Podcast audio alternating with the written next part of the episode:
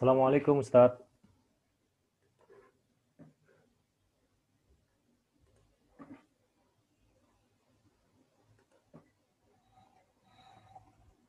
Assalamualaikum Ustaz.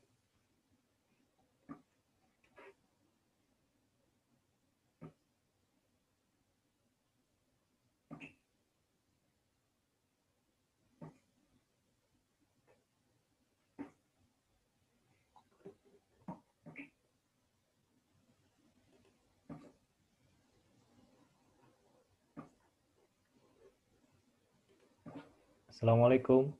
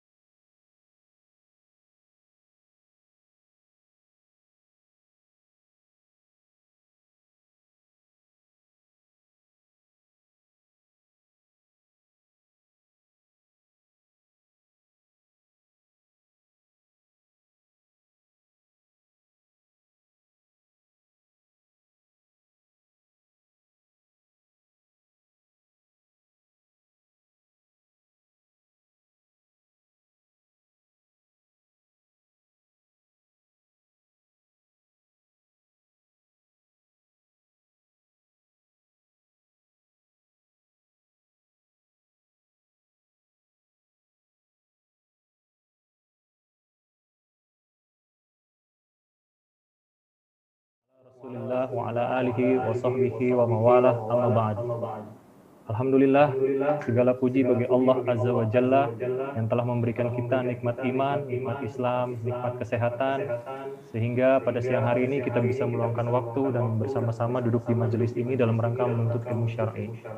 Salawat dan salam selalu kita curahkan kepada junjungan kita, suri tauladan kita Nabi Muhammad Sallallahu Alaihi Wasallam, juga kepada istri-istri beliau, anak-anak beliau, sahabat beliau yang senantiasa mendampingi perjuangan beliau, serta kepada seluruh pengikut beliau yang insya Allah akan mendapatkan syafaat dari beliau di yaumil akhir kelak.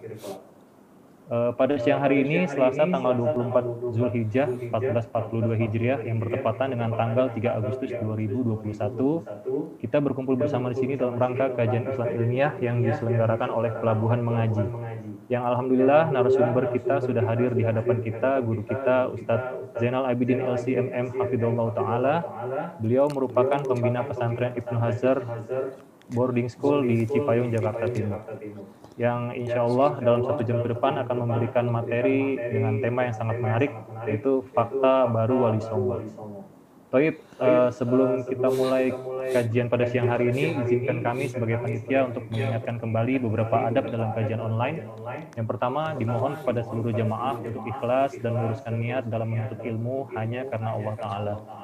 Yang kedua, mencatat faedah-faedah ilmu yang didapatkan dari materi yang disampaikan oleh Ustadz. Yang ketiga, dimohon kepada seluruh jamaah yang mengikuti kajian online untuk speakernya dinonaktifkan agar tidak mengganggu audio selama kajian berlangsung kepada para ikhwan dimohon untuk mengaktifkan videonya agar kita bisa saling bersilaturahim dan kepada para afad dimohon untuk videonya dinonaktifkan. Uh, kita akan membagi dua sesi dalam kajian hari ini. Sesi pertama kita akan mendengarkan materi dari guru kita kurang lebih uh, 45 menit.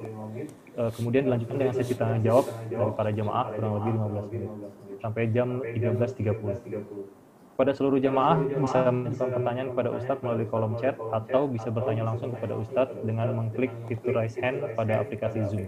Baik, Ikhwan Akhwat, rahimahullah. Selanjutnya langsung saja kita simak bagaimana sih fakta sebenarnya tentang Wali Songo yang akan disampaikan oleh guru kita Ustadz Zainal Abidin LCMM Hafidullah Ta'ala.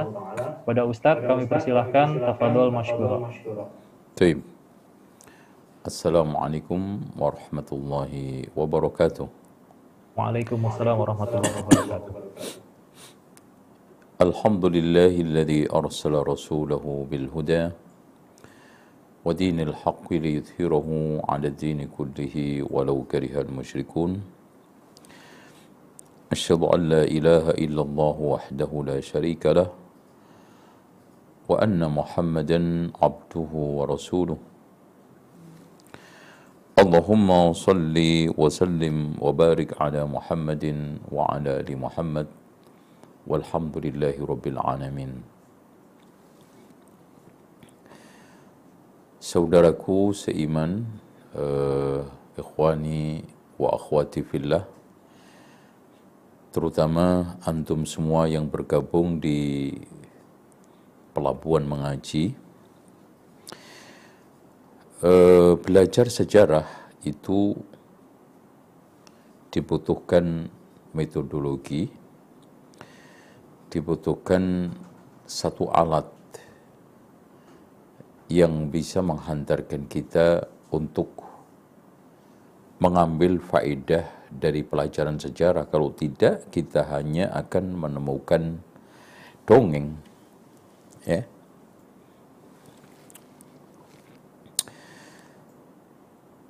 Ilmu sejarah seperti yang dikatakan oleh Allah itu sangat penting.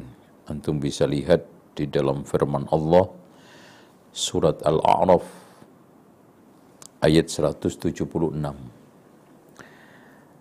Faqsusil qasasa la'allahum yatafakkarun.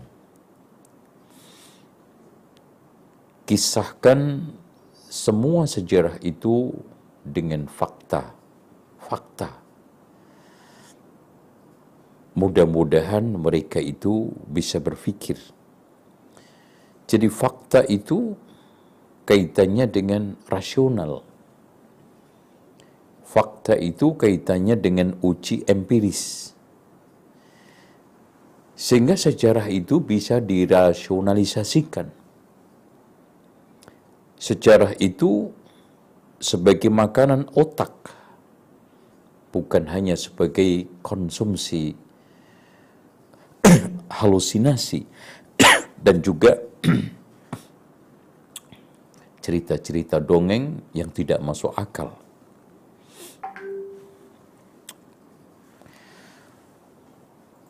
Jadi dari firman Allah faqsusil qasasa la'allahum yatafakkarun sampaikan seluruh fakta sejarah yang rasional sehingga orang itu bisa berfikir dengan cerdas, bisa berfikir dengan ilmiah.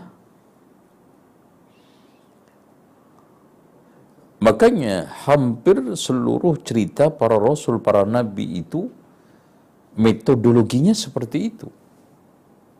Wabil khusus Allah mengatakan di dalam suratul kahfi surat Yusuf. Laqad kana fi qasasihim ibrah. Lihat, Masya Allah. Jadi kalau kita belajar sejarah tanpa mengambil ibrah, bukan hanya sia-sia kita bisa berdosa membuang-buang waktu. Ya.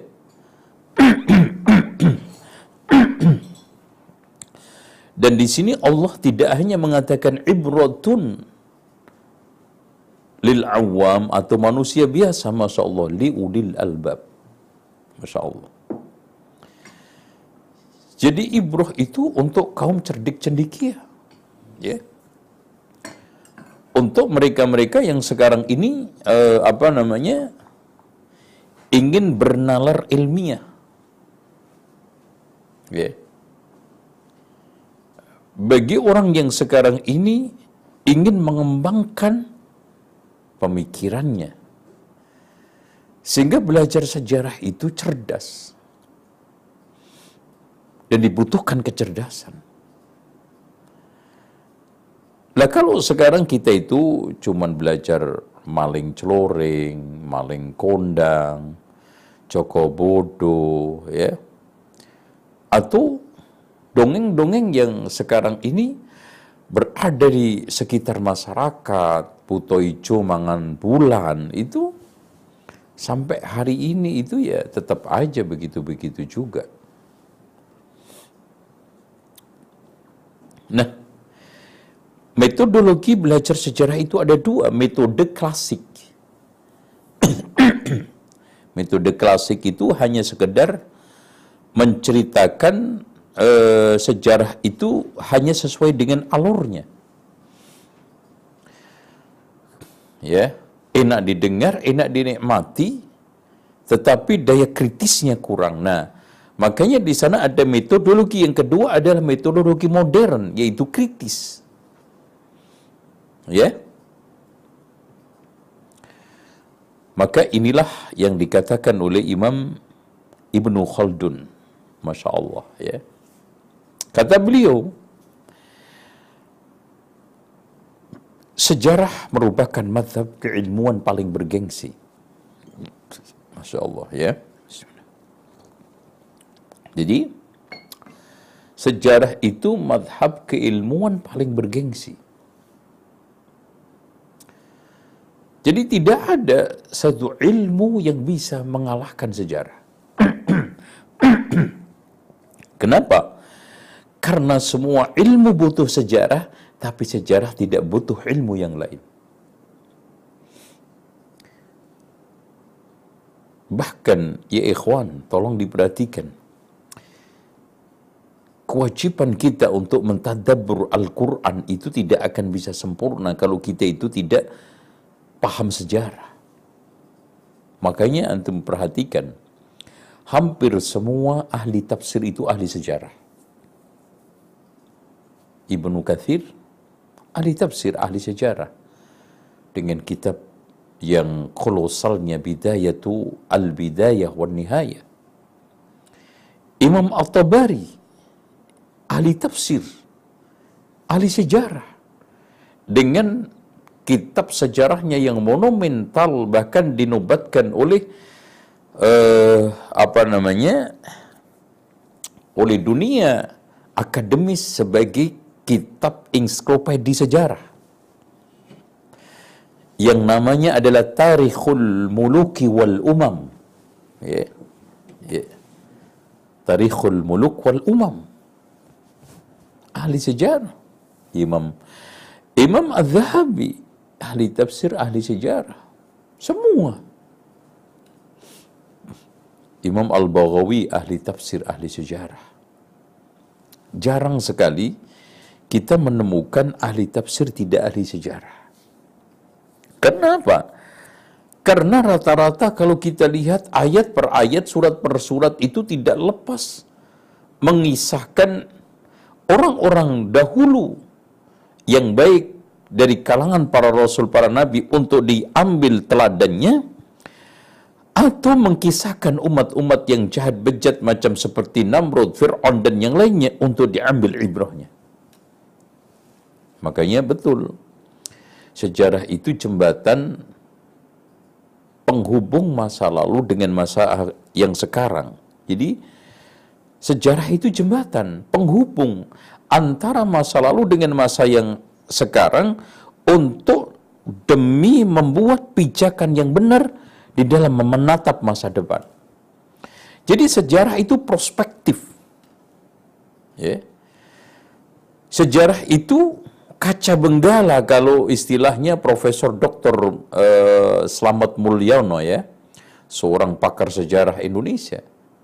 Jadi kaca benggala. Jadi di sanalah ada semacam apa namanya cerminan-cerminan, pantulan-pantulan yang kita bisa ambil dari sejarah itu.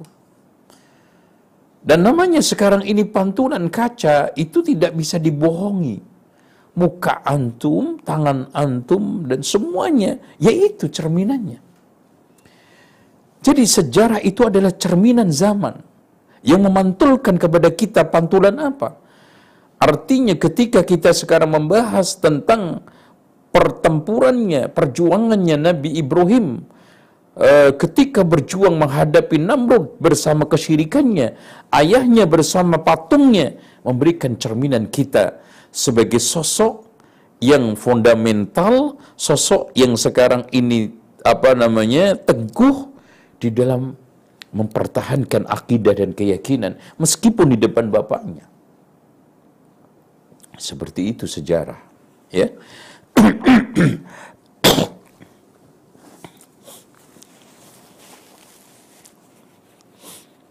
Jadi faedahnya sangat banyak dan masya Allah betul. Bismillah. Kalau kita melihat faedah sejarah, ketika kita mengetahui sejarah Indonesia secara baik, maka kondisi perubahan dan yang lainnya itu kita bisa membaca. Kan gitu. Sasarannya sangat mulia. Jadi jadi faedahnya sangat banyak, sasarannya itu sangat mulia. Di antaranya karena sejarah, dengan sejarah kita mampu mengenali akhlak umat-umat terdahulu. Coba.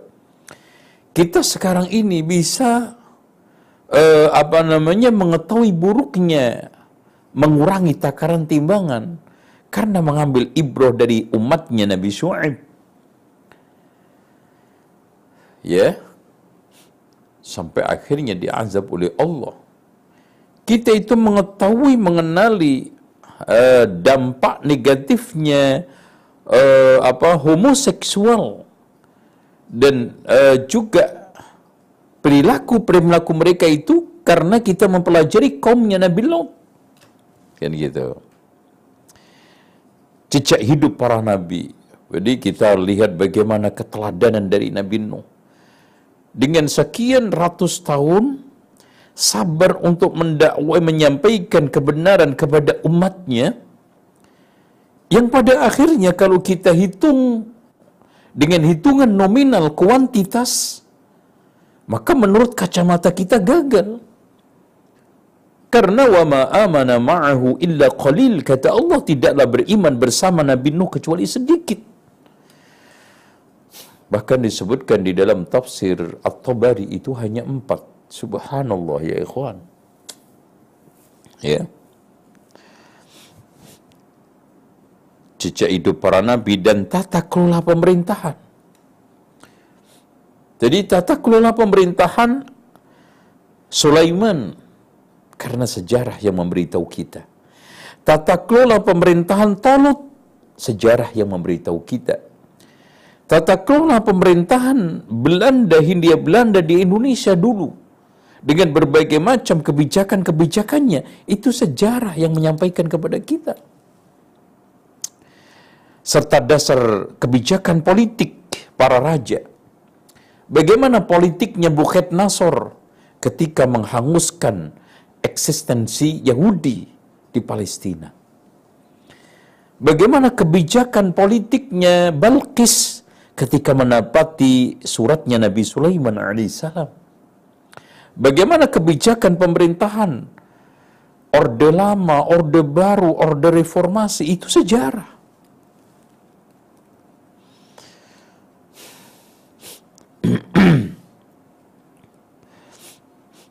Dengan tujuan agar kita bisa mengikuti peri kehidupan mereka hingga kita mampu mengambil faedah untuk kepentingan dunia dan agama. Nah gitu Pak. Ini uh, sejarah ya itu metodologi ya. Nah, uh, metodologi saya di dalam ini saya mungkin uh, kesempatan kali ini saya apa namanya hanya menyampaikan metodologi penulisan Wali Songo ya. Uh, perlu diketahui bahwa Bismillah.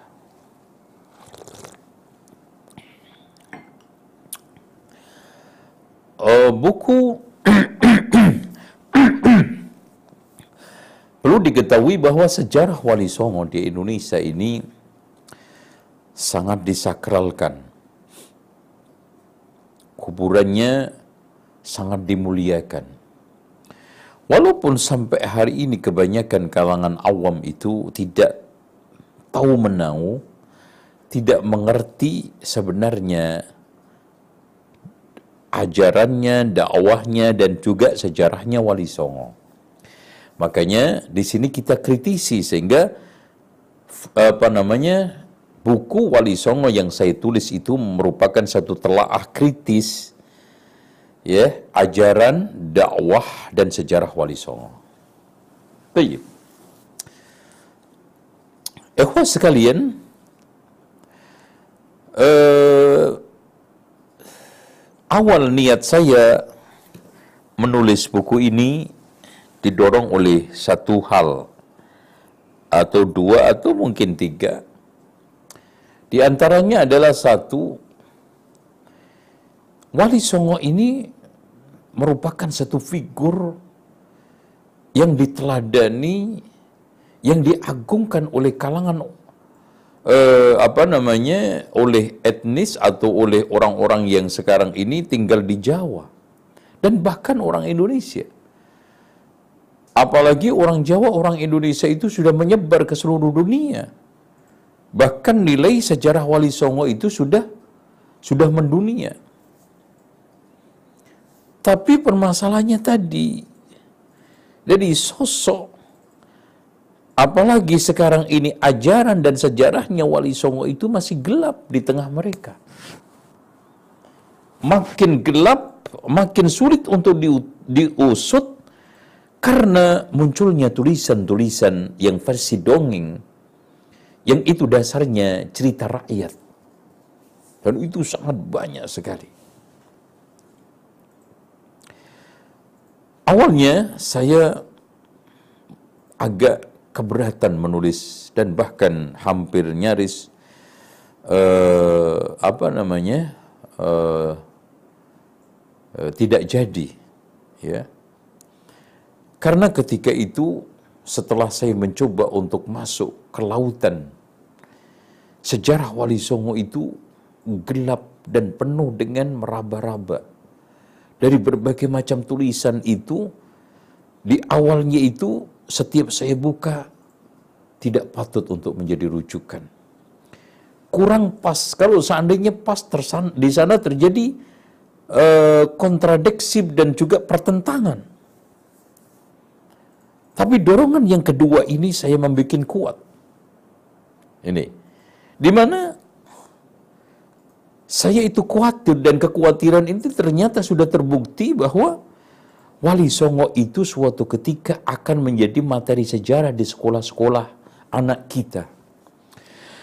Coba bayangkan saya pernah membaca salah satu materi sejarah Wali Songo. Ketika menjelaskan tentang Sunan Kudus, Sunan Kudus itu berasal dari Arab, turunan Nyanjeng Nabi Muhammad Wasallam dan termasuk imam ketiga Syiah. Imam ketiga. Imam ketiga Syiah itu beda Ja'far Sodik. Itu cucunya Ali bin Abi Thalib pada generasi yang ketiga keempat. Ya. Hidup pada abad ketiga Hijriah. Ya. Kalau ini hidup pada abad ke apa namanya uh, hampir 10 ya atau 9 Hijriah ya jauh. Ya. Dengan demikian di sinilah terjadi berbagai macam kenyelenehan. Coba bayangkan anak-anak kita yang sekarang ini belajar di sekolah-sekolah dengan keawamannya dan gurunya juga kurang bacanya, itu disampaikan begitu saja, anak didik kita menelan begitu saja, bukankah ini merupakan suatu penyesatan, pembingungan di atas kesesatan dan kebingungan? Dan yang ketiga yang tidak kalah pentingnya, ya,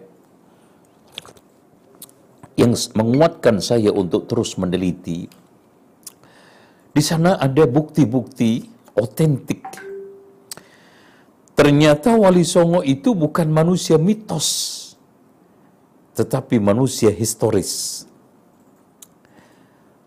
Di antaranya buku-buku seperti Kerupak Firara yang ditemukan di Museum Arestia, Italia, di Firara, Italia, yang itu masih segar ditulis di dalam rontal atau lontar, yang kemudian diterjemahkan ke dalam bahasa Belanda oleh Profesor Dr. Drewes. Kemudian dialih bahasakan ke Indonesia tahun 2002 oleh Asnan Wahyudi. Kemudian di sana ada headbook Van Bonang, tulisan Sunan Bonang. Dan beberapa dokumen dan juga disertasi para uh, apa namanya uh, ilmuwan dan juga ahli sejarah akhirnya menguatkan saya untuk melanjutkan ini hampir kurang lebih 10 tahun baru sih bisa saya selesaikan. 10 tahun itu saya gunakan untuk mengkomparasi kurang lebih 150 buku tentang Wali Songo. Yang itu buku otentik yang ditulis pada zaman Wali Songo atau mungkin murid-muridnya Wali Songo. Kemudian setelah itu adalah uh, semacam karya akademik, disertasi, penelitian, atau tulisan-tulisan yang ilmiah. Ya. Dan juga berbagai macam makalah, jurnal, dan yang lainnya, sehingga jadilah buku Fakta Baru Wali Songo. Dan 10 tahun itu tidak berhenti. Karena setiap ada suatu hal yang baru tentang Wali Songo, maka itu saya akumulasikan kepada suatu suatu diskusi kemudian akhirnya saya gunakan untuk merevisi, menambah ya, memberikan suatu bobot buku fakta baru Wali Songo. Nah, dari situlah sehingga orang bertanya-tanya kenapa Ustadz memberikan judul fakta baru Wali Songo. Karena fakta baru yang dulunya itu belum ditemukan baru setelah 2002. Coba bayangkan. Berarti selama ini sebelum 2002 cerita Wali Songo itu masih gelap. Makanya sejarah itu ada dua, secara sejarah yang gelap, secara namanya sejarah peteng, sejarah peteng itu gelap. Kemudian yang keduanya adalah sejarah sejarah yang sifatnya terang. Ya, dan akhirnya pada disambung-sambungkan dengan legenda, dengan berbagai macam cerita rakyat, ya, supaya nyambung sehingga eh, kebanyakan tulisan-tulisan, apalagi yang sekarang ini beredar di tengah masyarakat itu cok gali cok, digali-gali cocok, di kotak gatik gaduk, ya, sehingga muncullah sesuatu sejarah yang akhirnya jauh dari panggang. Akhirnya tidaklah aneh. Bahkan kebanyakan sejarah Wali Songo itu ditulis oleh pujangga istana uh, yang ada di Jawa ini dan uh, metodologinya di dalam rangka untuk mengakorkan kekuatan istana dengan kekuatan santri. Ya, karena perlu diketahui pasca terjadi pembantaian eh, santri kiri kedaton yang kurang lebih disebutkan di dalam beberapa sejarah itu 5.000 sampai 6.000 umat itu dihabisin itu terjadilah gap antara istana dilakukan oleh Amangkurat satu dengan kaum santri. Nah pujangga-pujangga setelah itu mencoba untuk mengakorkan. Nah otomatis di sini penuh dengan eh, apa namanya pembelokan dan penselarasan Ya, tolong dijamkan, ya. Dan yang tidak kalah pentingnya adalah di sana ada fiksional yang di, uh, dicampurkan untuk menyegarkan, untuk me menyingkronkan sejarah yang berbeda-beda ini. Maka pada saat itulah akhirnya terjadi pembelokan-pembelokan. Apalagi di sana ada uh, orang-orang Belanda yang ketika itu ingin mencoba untuk uh, apa namanya mendistorsi sehingga kalau kita lihat, Wali Songo itu hanya diceritakan dengan cerita Islam tetapi isi muatannya tetap Hindu-Buddha. Digiring untuk kepentingan imperialisme dan penjajahan. Digiring untuk mencoba ya minimal sekarang ini Wali Songo itu tampil seperti kejawen.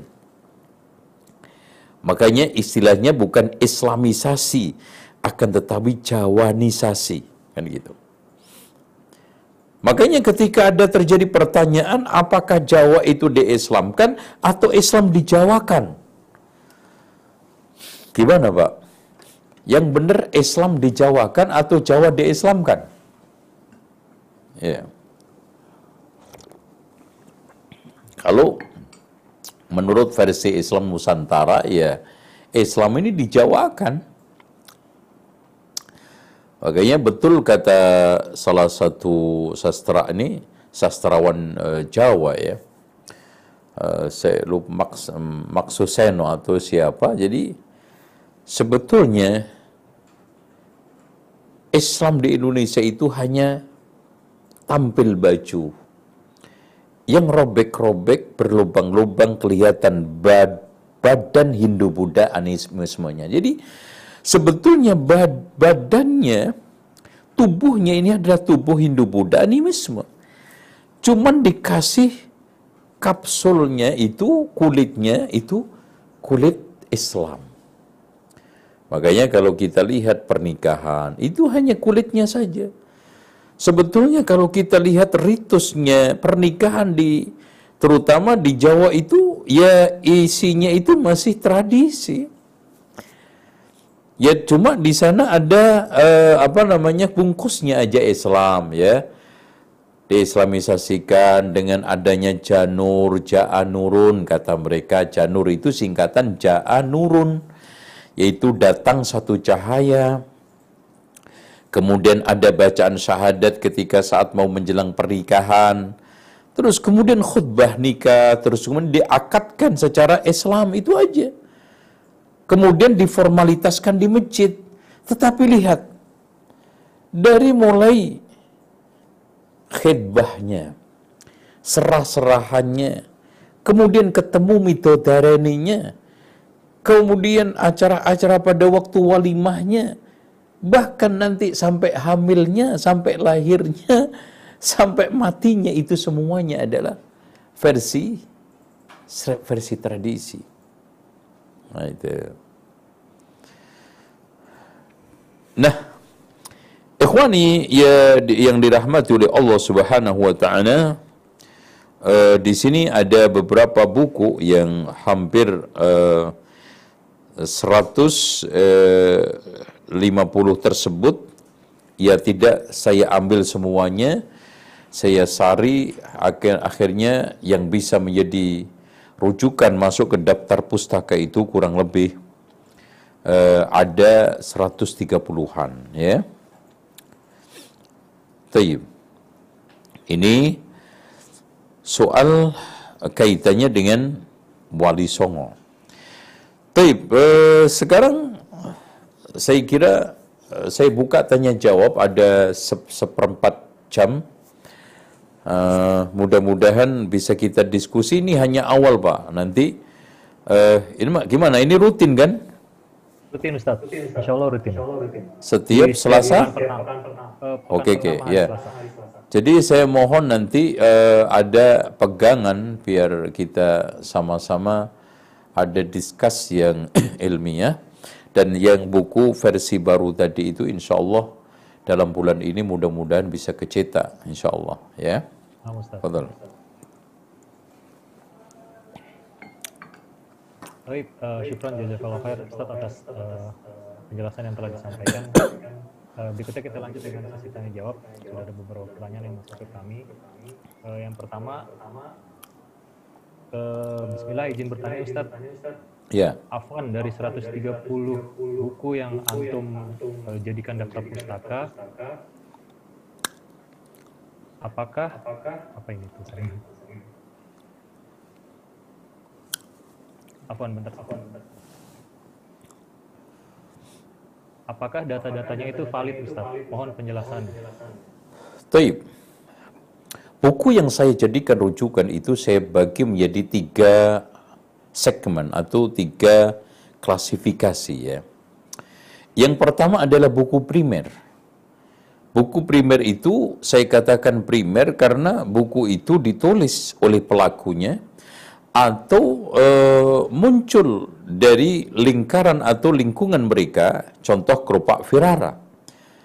Contoh juga di dalam sejarah nasional itu negara Kartagama, itu ditulis Empu Prapanca dan Empu Prapanca itu adalah pelaku sejarah orang yang tinggal uh, bersama raja-raja apa namanya uh, Mojopahit ya dan dia menemui masa kejayaan Mojopahit zaman Gajah Mada dan juga Hayam Wuruk itu ya oke okay.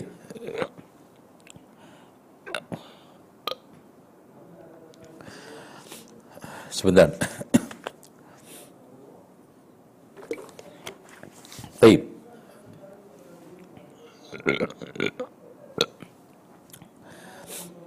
Uh, terus kemudian yang kedua di sana ada Headbook Van Bonang itu jelas ditulis sendiri oleh uh, Sunan Bonang karena di dalam kitab itu bahasa Kawi Jawa dan setelah kita baca itu bahasanya itu memang bahasa pertengahan bahasa abad 15 14 15 seperti bahasa kerupak Firara kan gitu dan yang lebih menguatkan lagi bahwa itu adalah buku primer tulisan asli Sunan Bonang dan nanti insya Allah kita akan bedah secara rinci.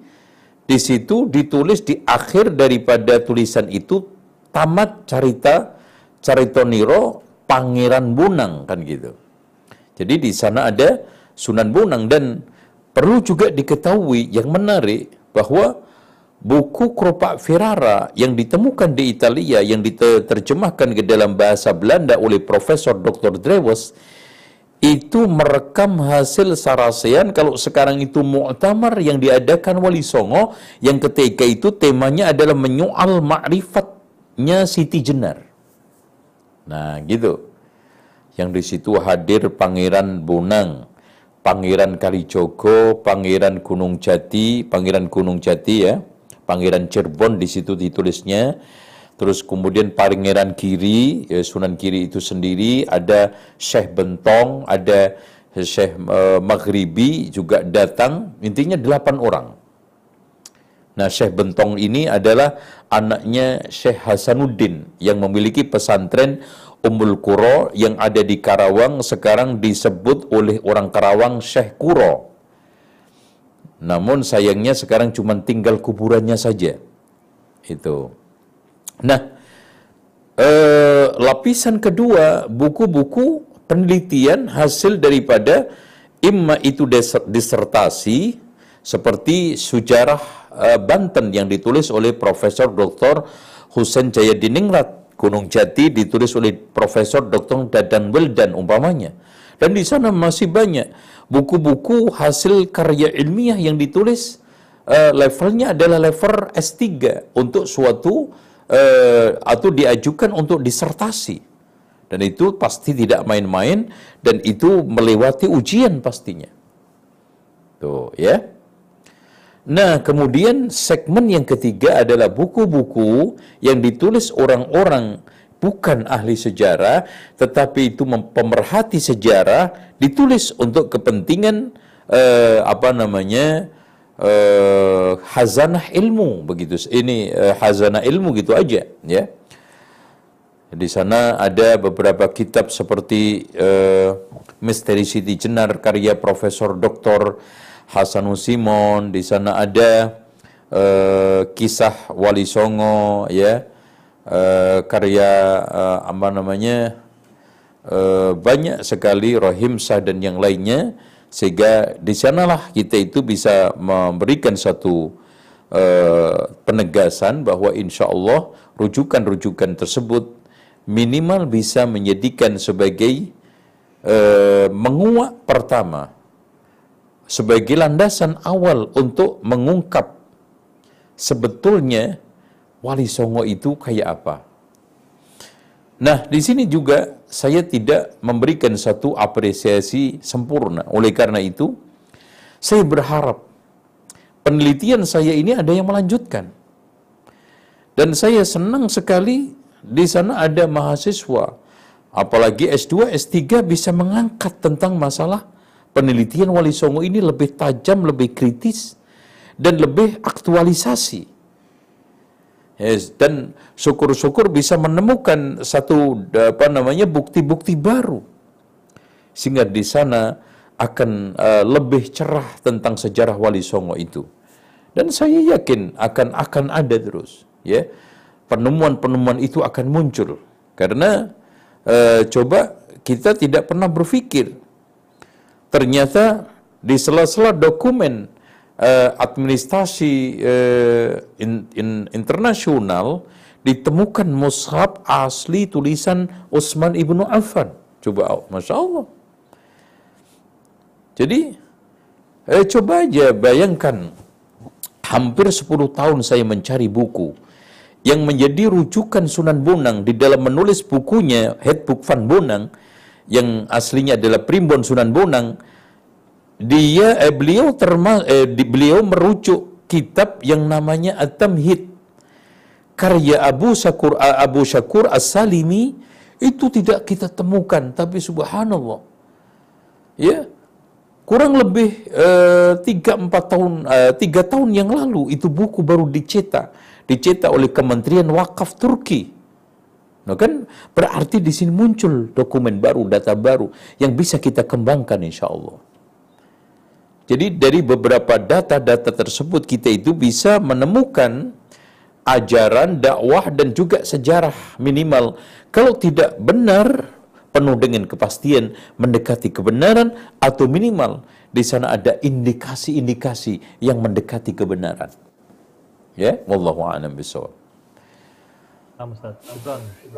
Ya. Penjelasan Ustaz, semoga bisa menjawab pertanyaan. Eh, pertanyaan selanjutnya Ustaz, Bismillah, izin bertanya Ustaz, mohon penjelasan eh, tentang sosok Syekh Siti Jenar. Apakah eh, beliau tokoh historis juga? Eh, sebentar Ustaz. Lalu eh, seperti apa latar belakangnya di mana banyak kalangan yang berdoa dengan menyebut nama beliau? Mohon penjelasan. Masya Allah. Eh, sebetulnya di dalam buku ini saya bikin bab sendiri sosok dan ajaran Siti Jenar. Makanya saya tidak akan menjawab detail. Kalau detail berarti selesai ini.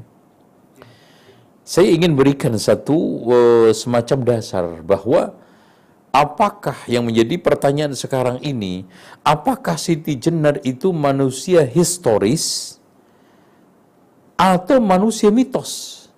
Saya katakan dia adalah manusia historis. Dasarnya beli ini dia ini ikut pada saat sarasean muktamar yang diadakan Wali Songo yang direkam di dalam kelopak Firara tadi di antara delapan orang itu adalah Syekh Siti Jenar. Tuh. Yang di situ disebutkan Syekh Lemah Bang. Nah, berarti hadir. Berarti di sini ada, cuma permasalahannya kita tidak memiliki data yang cukup uh, ini lengkap, data yang cukup untuk menganalisa suatu sejarah yang runut tentang sosok yang sebenarnya Sunan eh, saya Siti Jenar ini siapa, asal usulnya.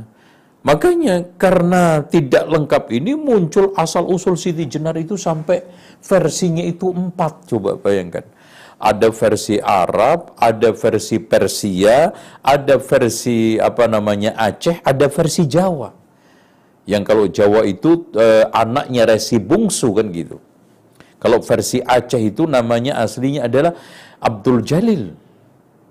Kemudian diutus oleh Raja Bohokoi untuk menyiarkan agama Wahdatul Wujud. Dan yang lainnya. Jadi dan insya Allah nanti kita akan bahas secara detail nanti kita insya Allah mulai minggu depan kita sudah masuk ke bab pertama. Kita mencoba mengupas adat kejawen ya. Dan judul bab pertamanya adalah Jawa Jantung Budaya. Itu.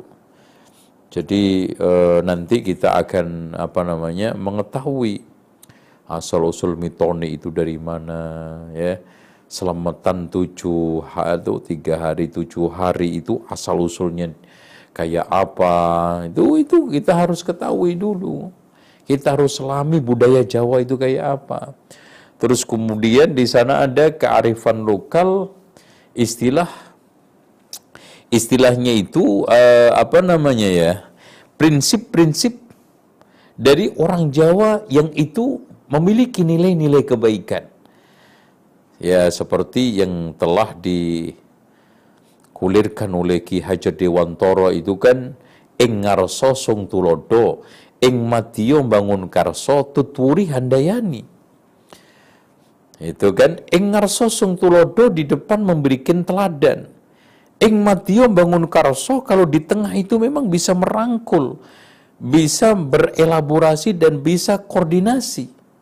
Sehingga semuanya terangkat sehingga bisa duduk sama rendah berdiri sama tinggi. Tuturi handayani. Meskipun di belakang menjadi rakyat biasa dia itu mendorong ya. Dia itu mencoba untuk melakukan sesuatu yang terbaik. Tidak sekarang ini berubah mental orang Jawa. Eng ngarso bikin sengsoro. Eng matio ngentek no bondo. Nah kan gitu. Tuturi hangrecoki kan gitu. Eh sekarang kan gitu berubah mental itu sudah Nah, itu uh, di antara juga prinsip-prinsip orang Jawa ya. Sukih tanpa bondo ya. Uh, menang tan uh, apa namanya? Uh, tanpa bolo kan gitu. Nah, ini juga kita pelajari insya Allah. Ya. Fadal, yang lain. Pertanyaan berikutnya. Uh, Bismillah, izin bertanya Ustadz. Hmm. Kesem, apakah dari kesembilan wali tersebut manhajnya berbeda-beda dan apakah mereka ada yang bertolak belakang dalam berdakwah dan bagaimana mereka menyikapi hal tersebut? Mohon penjelasannya. Secara umum wali itu kalau yang datang dari Arab itu rata-rata lurus. Ya. Karena yakin mereka itu tidak kenal berbagai macam tradisi-tradisi kejawen Apalagi kalau kita uh, lihat Syekh Maulana Malik Ibrahim, Masya Allah. Jadi beliau ini asli dan Masya Allah kalau kita lihat ajaran-ajarannya dan pemikirannya itu bukan orang biasa. Sunan Ampel juga begitu. Dan uh, Sunan Bonang dan juga Sunan Kiri. Dari latar belakang belajarnya ke bapaknya kemudian dilanjutkan ke uh, Aceh, ya, kemudian ke Malaka, kemudian sampai ke Arab. Makanya kalau kita membaca kitab yang ditulis oleh Sunan Bonang itu Masya Allah, ya, cukup ilmiah, uh, cukup sistematik, dan yang tidak kalah pentingnya, cukup menguasai bahasa Arab, Masya Allah. Jadi penguasaan si, eh, Sunan Bonang terhadap bahasa Arab itu subhanallah lancar. Istilah-istilah yang diangkat, ya, Terus kemudian ketika mengungkapkan berbagai macam istilah-istilah firqah dan yang lainnya itu nggak meleset. Dan rujukan-rujukannya semuanya adalah kitab-kitab Arab. Dengan demikian mereka itu adalah ulama. Minimal kalau dia itu bukan orang ini bukan ulama, minimal kata Profesor Dr. Drewes bukan orang biasa. Jadi dari sisi tulisannya, dari sisi cara-cara dia di dalam apa namanya berargumen dan yang tidak kalah pentingnya kerangka berpikir, pola berpikirnya itu sangat-sangat menunjukkan bahwa ilmunya itu cukup dalam. Wallahu a'lam bishawab. Syukron Ustaz atas jawabannya. Uh, apa okay. Ustaz mungkin ini pertanyaan terakhir karena keterbatasan yeah. waktu. Ya. Yeah. Uh, ini ada pertanyaan, buku Fakta Baru Wali Songo ini bisa dipesan di mana? Terus uh, selanjutnya Wali Songo ini berperan serta untuk Indonesia dalam hal apa Ustaz? Mohon penjelasannya uh, sekaligus uh, berikan kalimat penutup Ustaz untuk kajian pada hari ini. Fadol Ustaz. Taib, uh, saya ingin kasih kerangka. Paling akhir Wali Songo itu hidup uh, 1527 sekitar itu. Terlepas di sana ada satu versi bahwa uh, Sunan Kudus itu umurnya panjang, apalagi kalau benar yang mendirikan Menara Kudus itu adalah Sunan Kudus yang itu didirikan kurang lebih pada tahun 1600 sekian, Berarti umurnya segitu. Begitu juga Sunan, Sunan Kalijogo. Intinya gini. Jadi keberhasilan Wali Songo pada puncaknya adalah bisa mendirikan kerajaan Demak. Di atas syariat dan juga eh, dasar-dasar daulah Islamiyah yang berdasarkan Al-Quran dan Sunnah. Dan menurut Profesor Dr. Hasanus Simon, versinya adalah Islam murni. Namun sayangnya, Demak ini tidak bertahan lama, tidak bertahan lama, hanya tiga periode. Periode eksisnya itu tiga, periode Raden Patah, yang keduanya adalah periode Patiunus, yang ketiganya adalah periode Trenggono.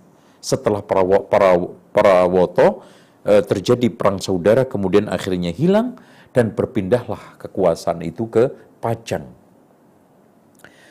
Nah, Semenjak sekarang Hadiwijoyo yang tidak lain adalah Joko Tingkir, ya, merubah sistem negara dan sistem Islam itu dasar-dasarnya adalah Islam yang dikembangkan oleh ayahandanya yaitu Kebu Kenongo yang beliau adalah muridnya Sesiti Jenar yang tidak lain adalah Wahdatul Wujud.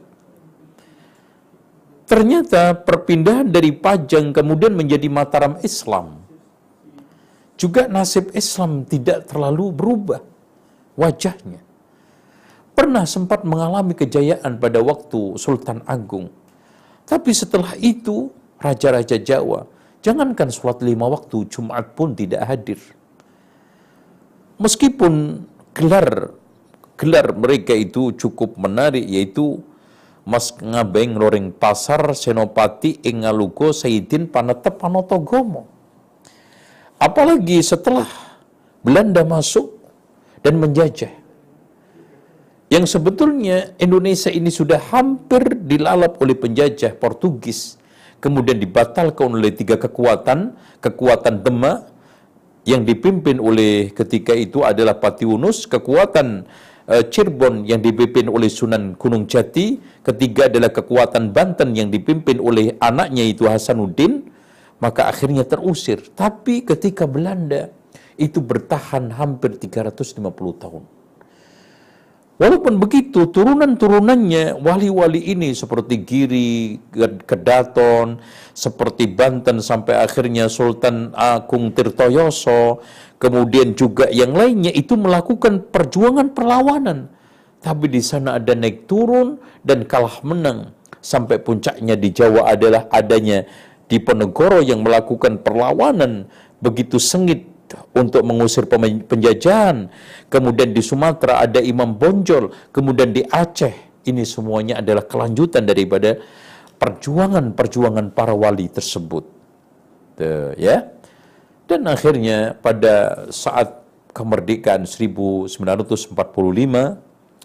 maka kaum muslimin juga mereka-mereka yang sekarang ini melanjutkan dakwah Wali Songo tersebut menjadi pendiri negara ini memiliki satu saham besar untuk mengawali negara negara Indonesia, memerdekakan Indonesia, meletakkan dasar-dasar negara Indonesia. Dan insya Allah ila yaumil qiyamah. Wallahu a'lam bishawab. Demikian Mudah-mudahan bermanfaat. Subhanakallahumma hamdika asyhadu an la ilaha illa anta astaghfiruka wa atubu ilaik. Assalamualaikum warahmatullahi wabarakatuh.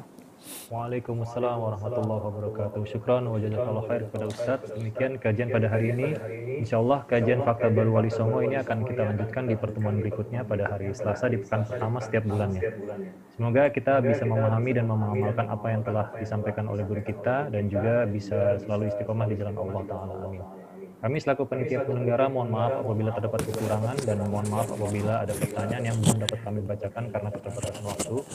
Eh, dan kami ucapkan syukur dan jazakallah khair kepada para jamaah yang telah mengikuti kajian pada hari ini dari awal sampai akhir. Dan sebagai informasi terakhir, insya Allah eh, besok Rabu Pelabuhan Mengaji akan mengadakan kajian bersama Ustadz Irwandi Tarmizi. Dan jika jamaah ingin murajaah kajian hari ini dapat